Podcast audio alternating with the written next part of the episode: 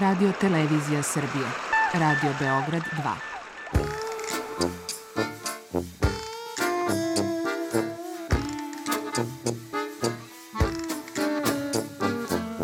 Rekli su mi, gospodine, vi ste promašili temu. Pa ja sam onda promašio život. I ne znam šta će da bude sam. Kaže, ja ne mogu više te čuvam. Šta da ti radi, kaže, snađi se kako znaš. Mi smo kao u kafesu. Za nas to je najmrtvo. To je mrtvo za nas, naročito. I ja bih želela neko da me usvoji. Da bih želela. Govori da bih te video. Program dokumentarnog zvuka. Moje ime je Svetlana Milanović, diplomirani psiholog, magistar. Ceo radni vek sam provela u prostoru instituta Vinča koji je menjao ime organizacionih svojih delova, ali je to ostala ista zgrada medicinske zaštite. Do nivoa ista kancelarija. Zaposlila sam se formalno pre 35 godina, pre toga sam, da kažem, sasvim slučajno došla u institut preko studentskog servisa. Na neki način se fascinirala prostorom, ljudima, u nekom trenutku čak i pomislila onako u sebi, jao što bi bilo divno da se ja ovde zaposlim i to se stvarno desilo.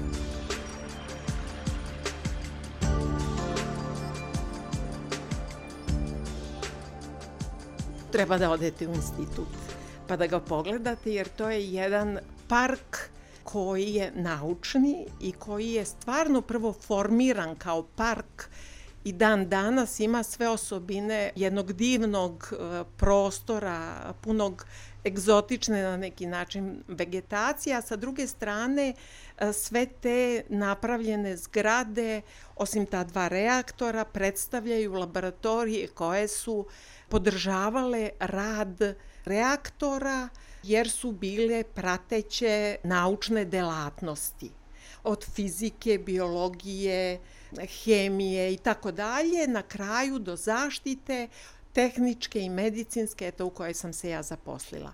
A ljudi su naravno potpuno vanserijski po svim osobinama i bili su prosto fascinantni u tom svom radnom prostoru koji sam ja mogla da, znači onako sa strane posmatram, ne znam, ja sam prepoznala to na neki svoj način i ostala, da kažem, ceo radni vek fascinirana, pogotovo mladim ljudima koji su se pojavljivali, ostajali ili i odlazili, ali koji su, znači, započinjali svoj radni vek u, u tom prostoru.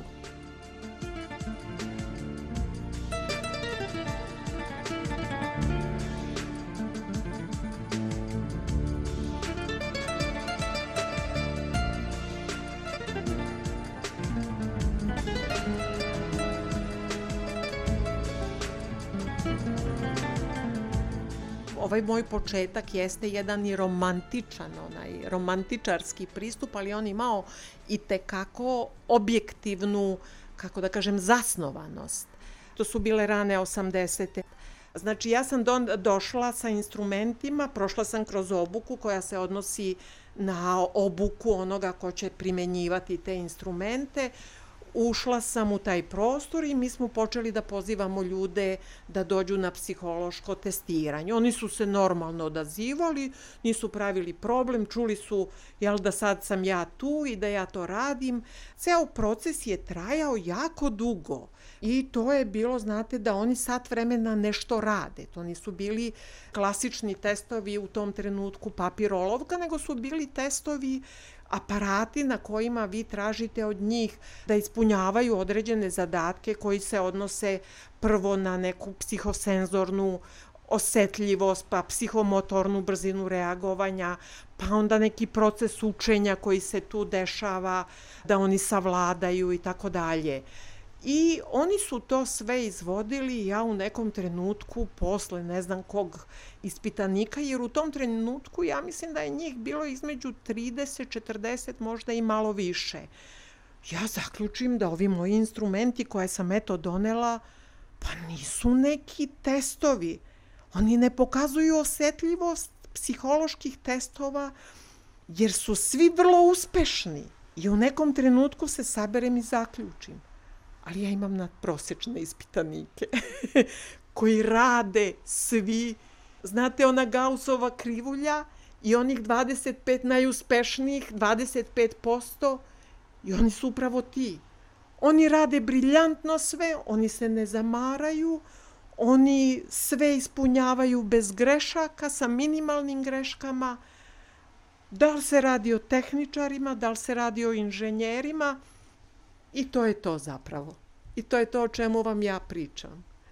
Ja zapravo te kasnije kad radim i sa nekim drugim ispitanicima, zaposlenima iz domena industrije ili tako, vidim u stvari koliko su ti testovi osetljivi, odnosno da prikazuju ceo dijapazon, ali ja sam ih upotrebila na znači onom nivou populacije koji je da kažemo u tom psihološkom smislu i intelektualnom smislu bio najsuperiorniji. Isto tako, ja vam moram reći, 90. kad je već prosto taj proces prisustva ljudi, to kapaciteta generalno smanjen, kad je obrazovanje na određeni način padalo, jako dugo nisam znala o čemu se, da, da, da je to jedan drugi prosek prisutan. I meni nije bilo još uvek tada neobično da neko ima dva fakulteta, jer su mu roditelji rekli da je bolje da bude inženjer elektrotehnike, a ne fizičar, jer je više teoretičar, a oni su završili oba fakulteta. Ali ja mislim da je u institutu, samom institutu, još uvek prisutno puno mladi koji imaju sve te najbolje osobine.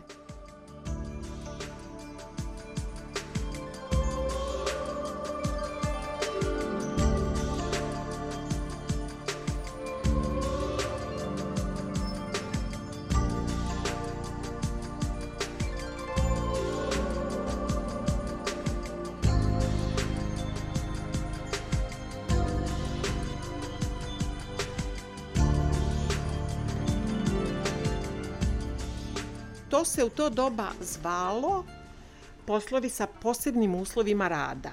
Danas se takvi poslovi zovu poslovi sa povećanim rizikom. To su bili visoko sofisticirani neki poslovi sa izvorima ionizujućih zračenja u domenu nuklearne tehnologije i ti poslovi podrazumevaju da je e, u posao uključena određena štetnost ili opasnost koja se do određenih granica može minimizirati, ali je neophodno da se obavlja i treba, znači, podrazumeva se da sve druge komponente budu na takav način organizovane da on što bezbednije bude, znači, obavljan.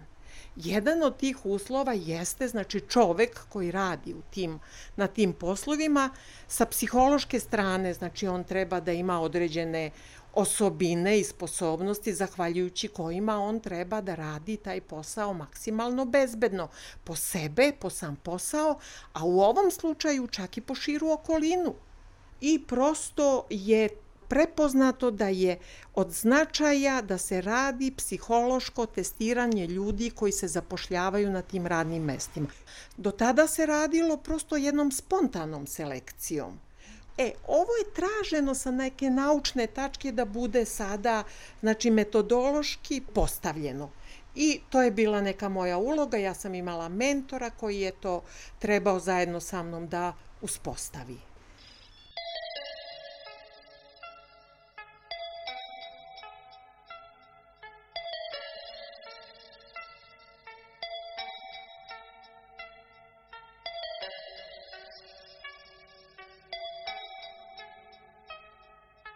Nevidljivost koja ne može da bude prepoznata ni jednim našim organom.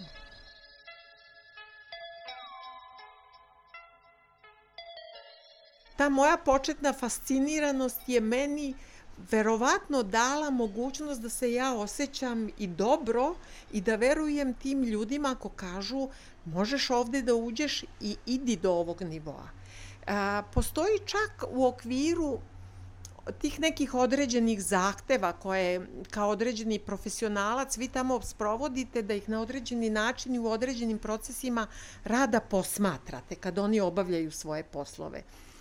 I ono što je meni takođe bilo ovako vrlo interesantno jeste kad sam ih gledala kako se kreću kroz taj prostor, ovo što smo rekle, to je nevidljivo, ali oni tačno znaju kud trebaju da hodaju, na koji način i gde šta trebaju da, da ostave ili da uzmu ili da, da spuste.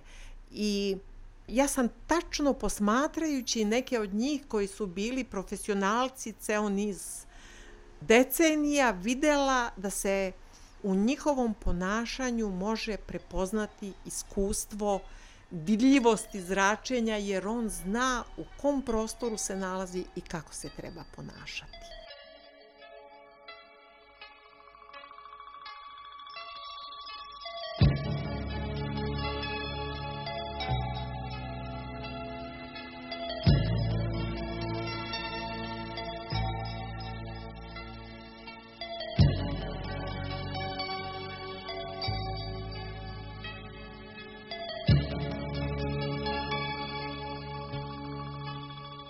Znači, moje jedno od prvih pitanja jeste kad se ljudi zapošljavaju bilo kako vam se čini ovaj prostor, kako vam se čini...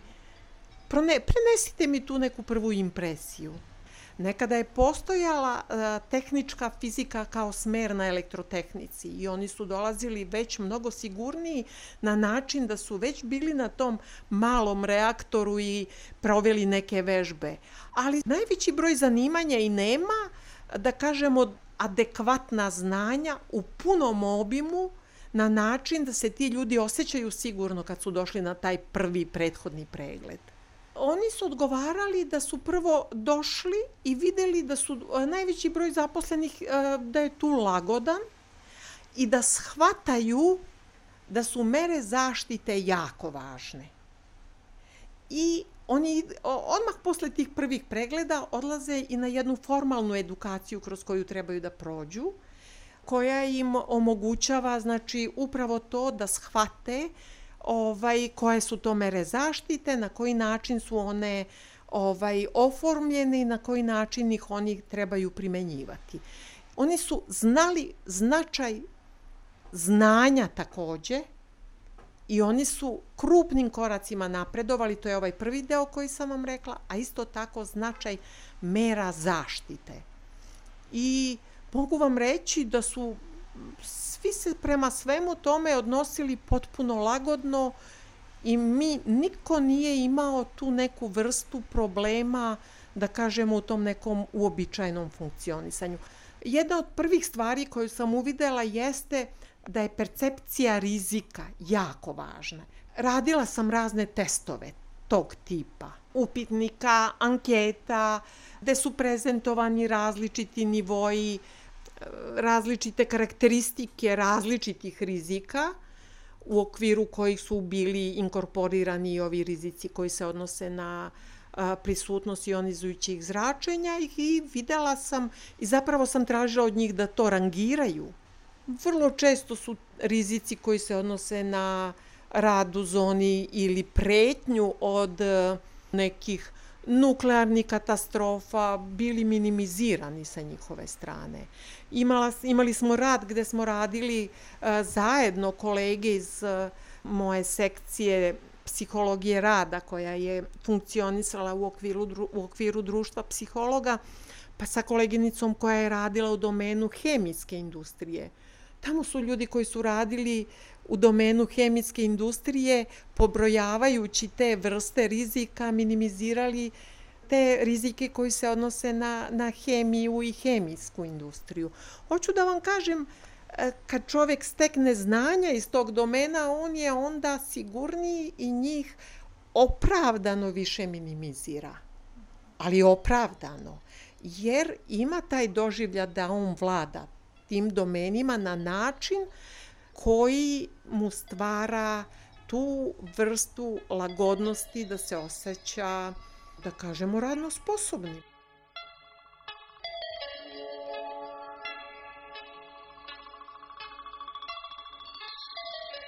ja ne znam da, koliko znate o sistemu kvaliteta, ali sistem kvaliteta podrazumeva upravo to, da se određeni, znači sad sistem kvaliteta postoji za sve poslove, u ovom domenu je naravno sve to prepoznato mnogo ranije i mi smo napisali određene procedure po kojima se svi naši poslovi odvijaju. A, interesantno je zapravo koliko ti poslovi traže jednu potpunu uređenost. U svakom segmentu se insistira da se po određenim zahtevima procedure obavljaju, da se tačno i proceduralno obavljaju i da ako ima promena i ako uočite da je nešto neophodno menjati, da to znači se proceduralno menja. I to su neki zahtevi koji su prepoznati od jednog koncepta koji se zove sigurnosna kultura. To su sve stvari koje su prvo prepoznate u ovom domenu. Sigurnosna kultura je kao jedan koncept prepoznata, prvo ovaj kao jedan termin oformljena tek posle Černobiljske nesreće kada je viđeno koliko je zapravo značajan ljudski faktor. Čak kad su tehnički propusti, oni su zapravo ljudski propusti. Ljudski resursi su ono što je prepoznato sada Znači, kao jedan veliki, značajan resurs u svim poslovima, u ovim poslovima je prepoznato, znači, od samih početaka. I sigurnosna kultura znači traži da se svi ti poslovi rade po tim određenim procedurama.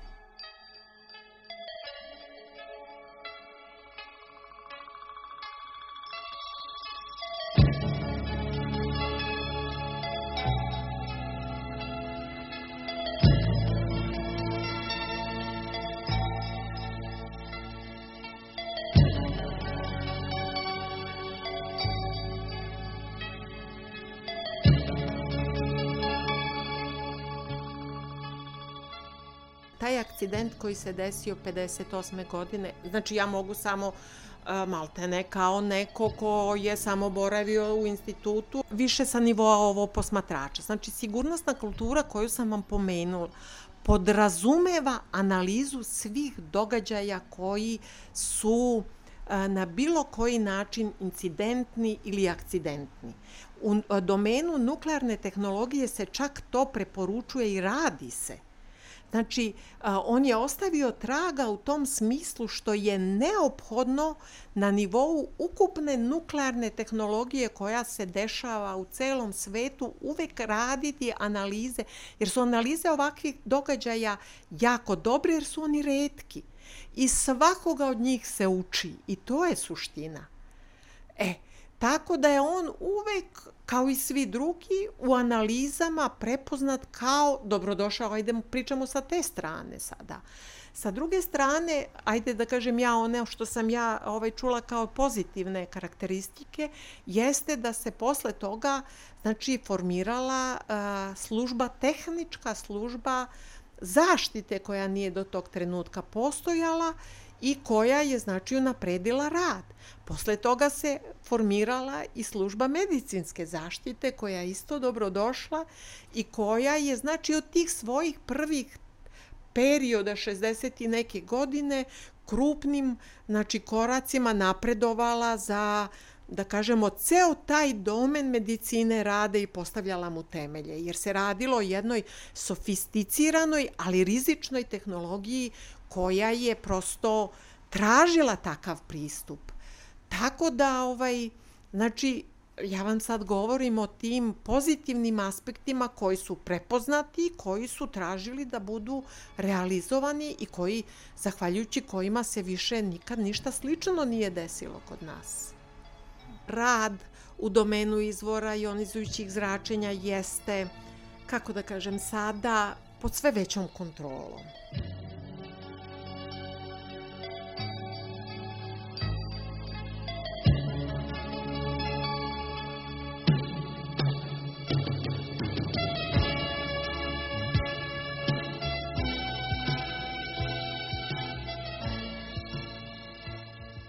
Kad su se dešavali ono što ste me prethodno pitali u nekom našem razgovoru, neki ekscesi, ja sam vam odmah rekla, to je na nekim nivoima koji su bili vrlo incidentni, a ako su bili saznati od strane medija i prosto javnosti, oni su možda samo dizani na neki viši nivo jer je ovo domen koji je uvek imao tu neku uh, senzacionalnu ulogu i uvek je bio senzacionalan.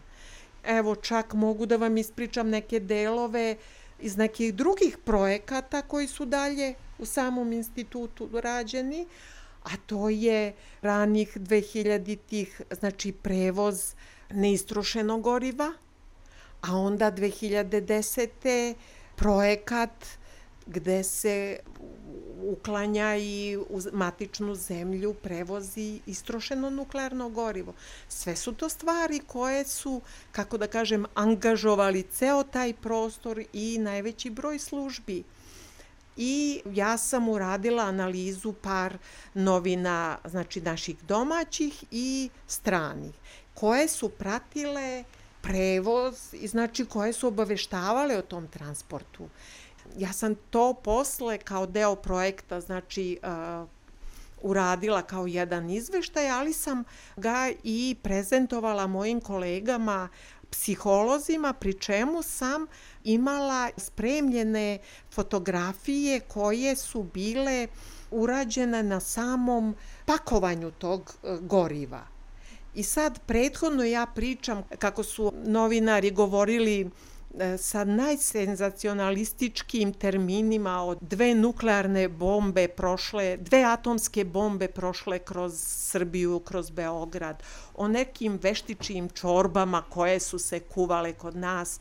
I ja im na kraju prikazujem fotografije naših zaposlenih koji pakuju to obučeni u obične bele mantile, imaju samo bele rukavice i oni ne mogu da veruju da je to istina i da to zapravo nije imalo druge vrste opasnosti. I da se radilo o nekom alfa zračenju koje nije bilo opasno, nego samo na tom taktilnom nivou i na nivou da se ne respiratorno ne unese.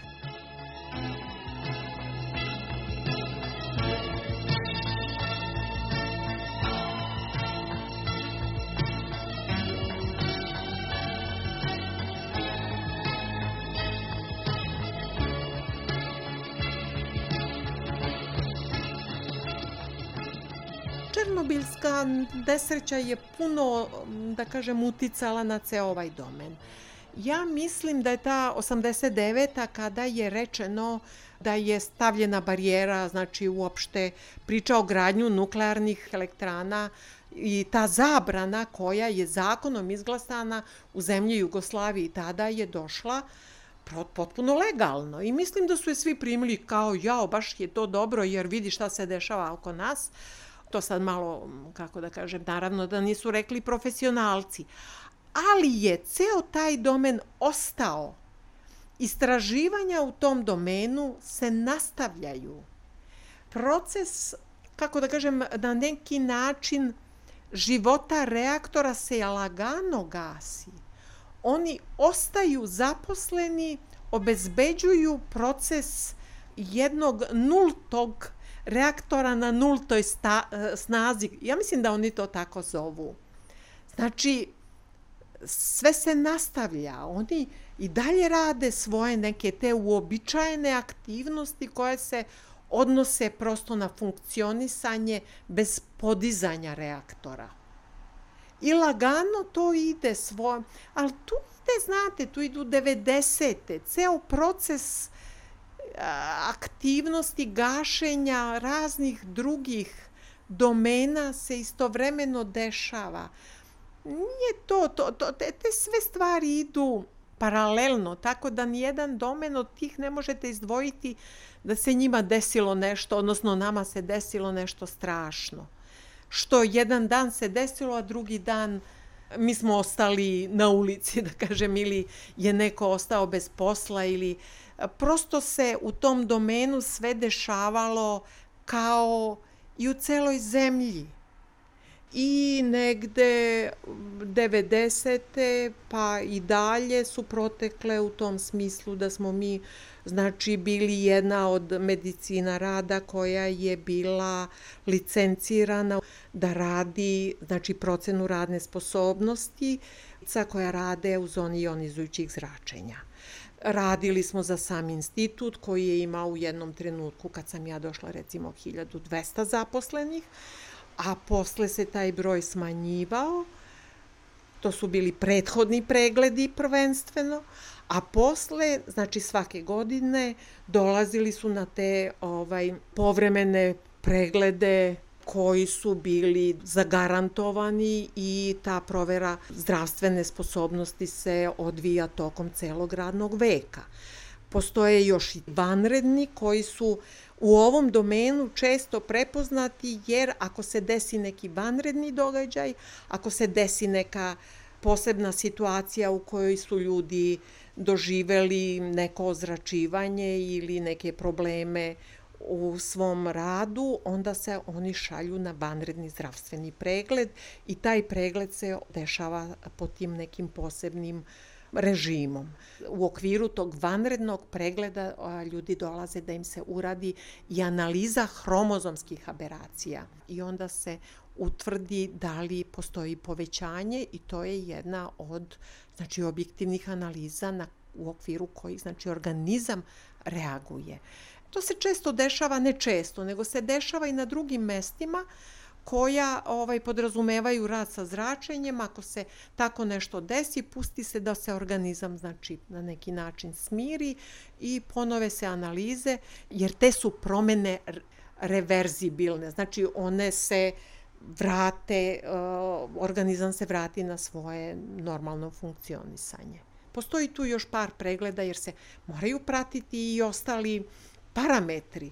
Znači, zna se da zračenje ima dejstvo na kožu, zna se da zra, e, zračenje ima dejstvo i na krv, znači e, ima dejstvo i na očno sočivo, na mm, respiratorne organe. I onda se, znači, sve te promene prate iz godine u godinu, da li se tu nešto dešava. Ali kažem vam, svi poslovi su organizovani tako da ne sme da utiče na zdravlje. Tako da, da, znači ne postoji varijanta u kojoj vi svesno pravite mogućnost da se oštećuje čovekov organizam. To je sad kumulativno dejstvo koje se može desiti bez obzira što ste vi uradili onaj deo na početku da tražite zdravog čoveka kome ste znači sve te uslove obezbedili.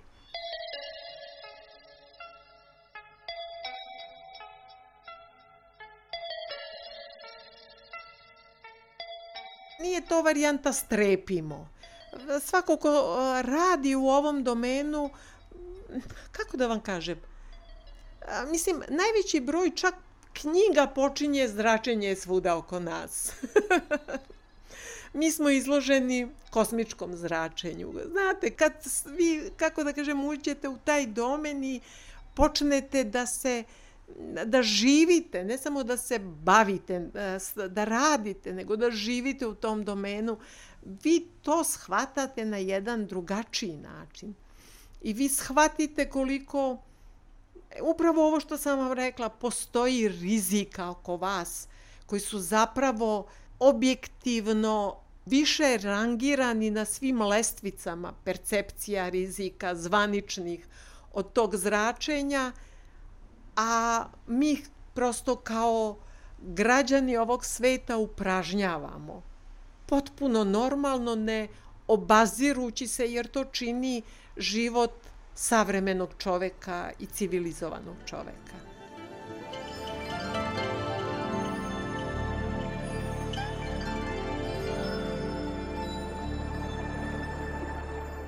U današnjoj reportaži govorila je magistar psiholog Svetlana Milanović.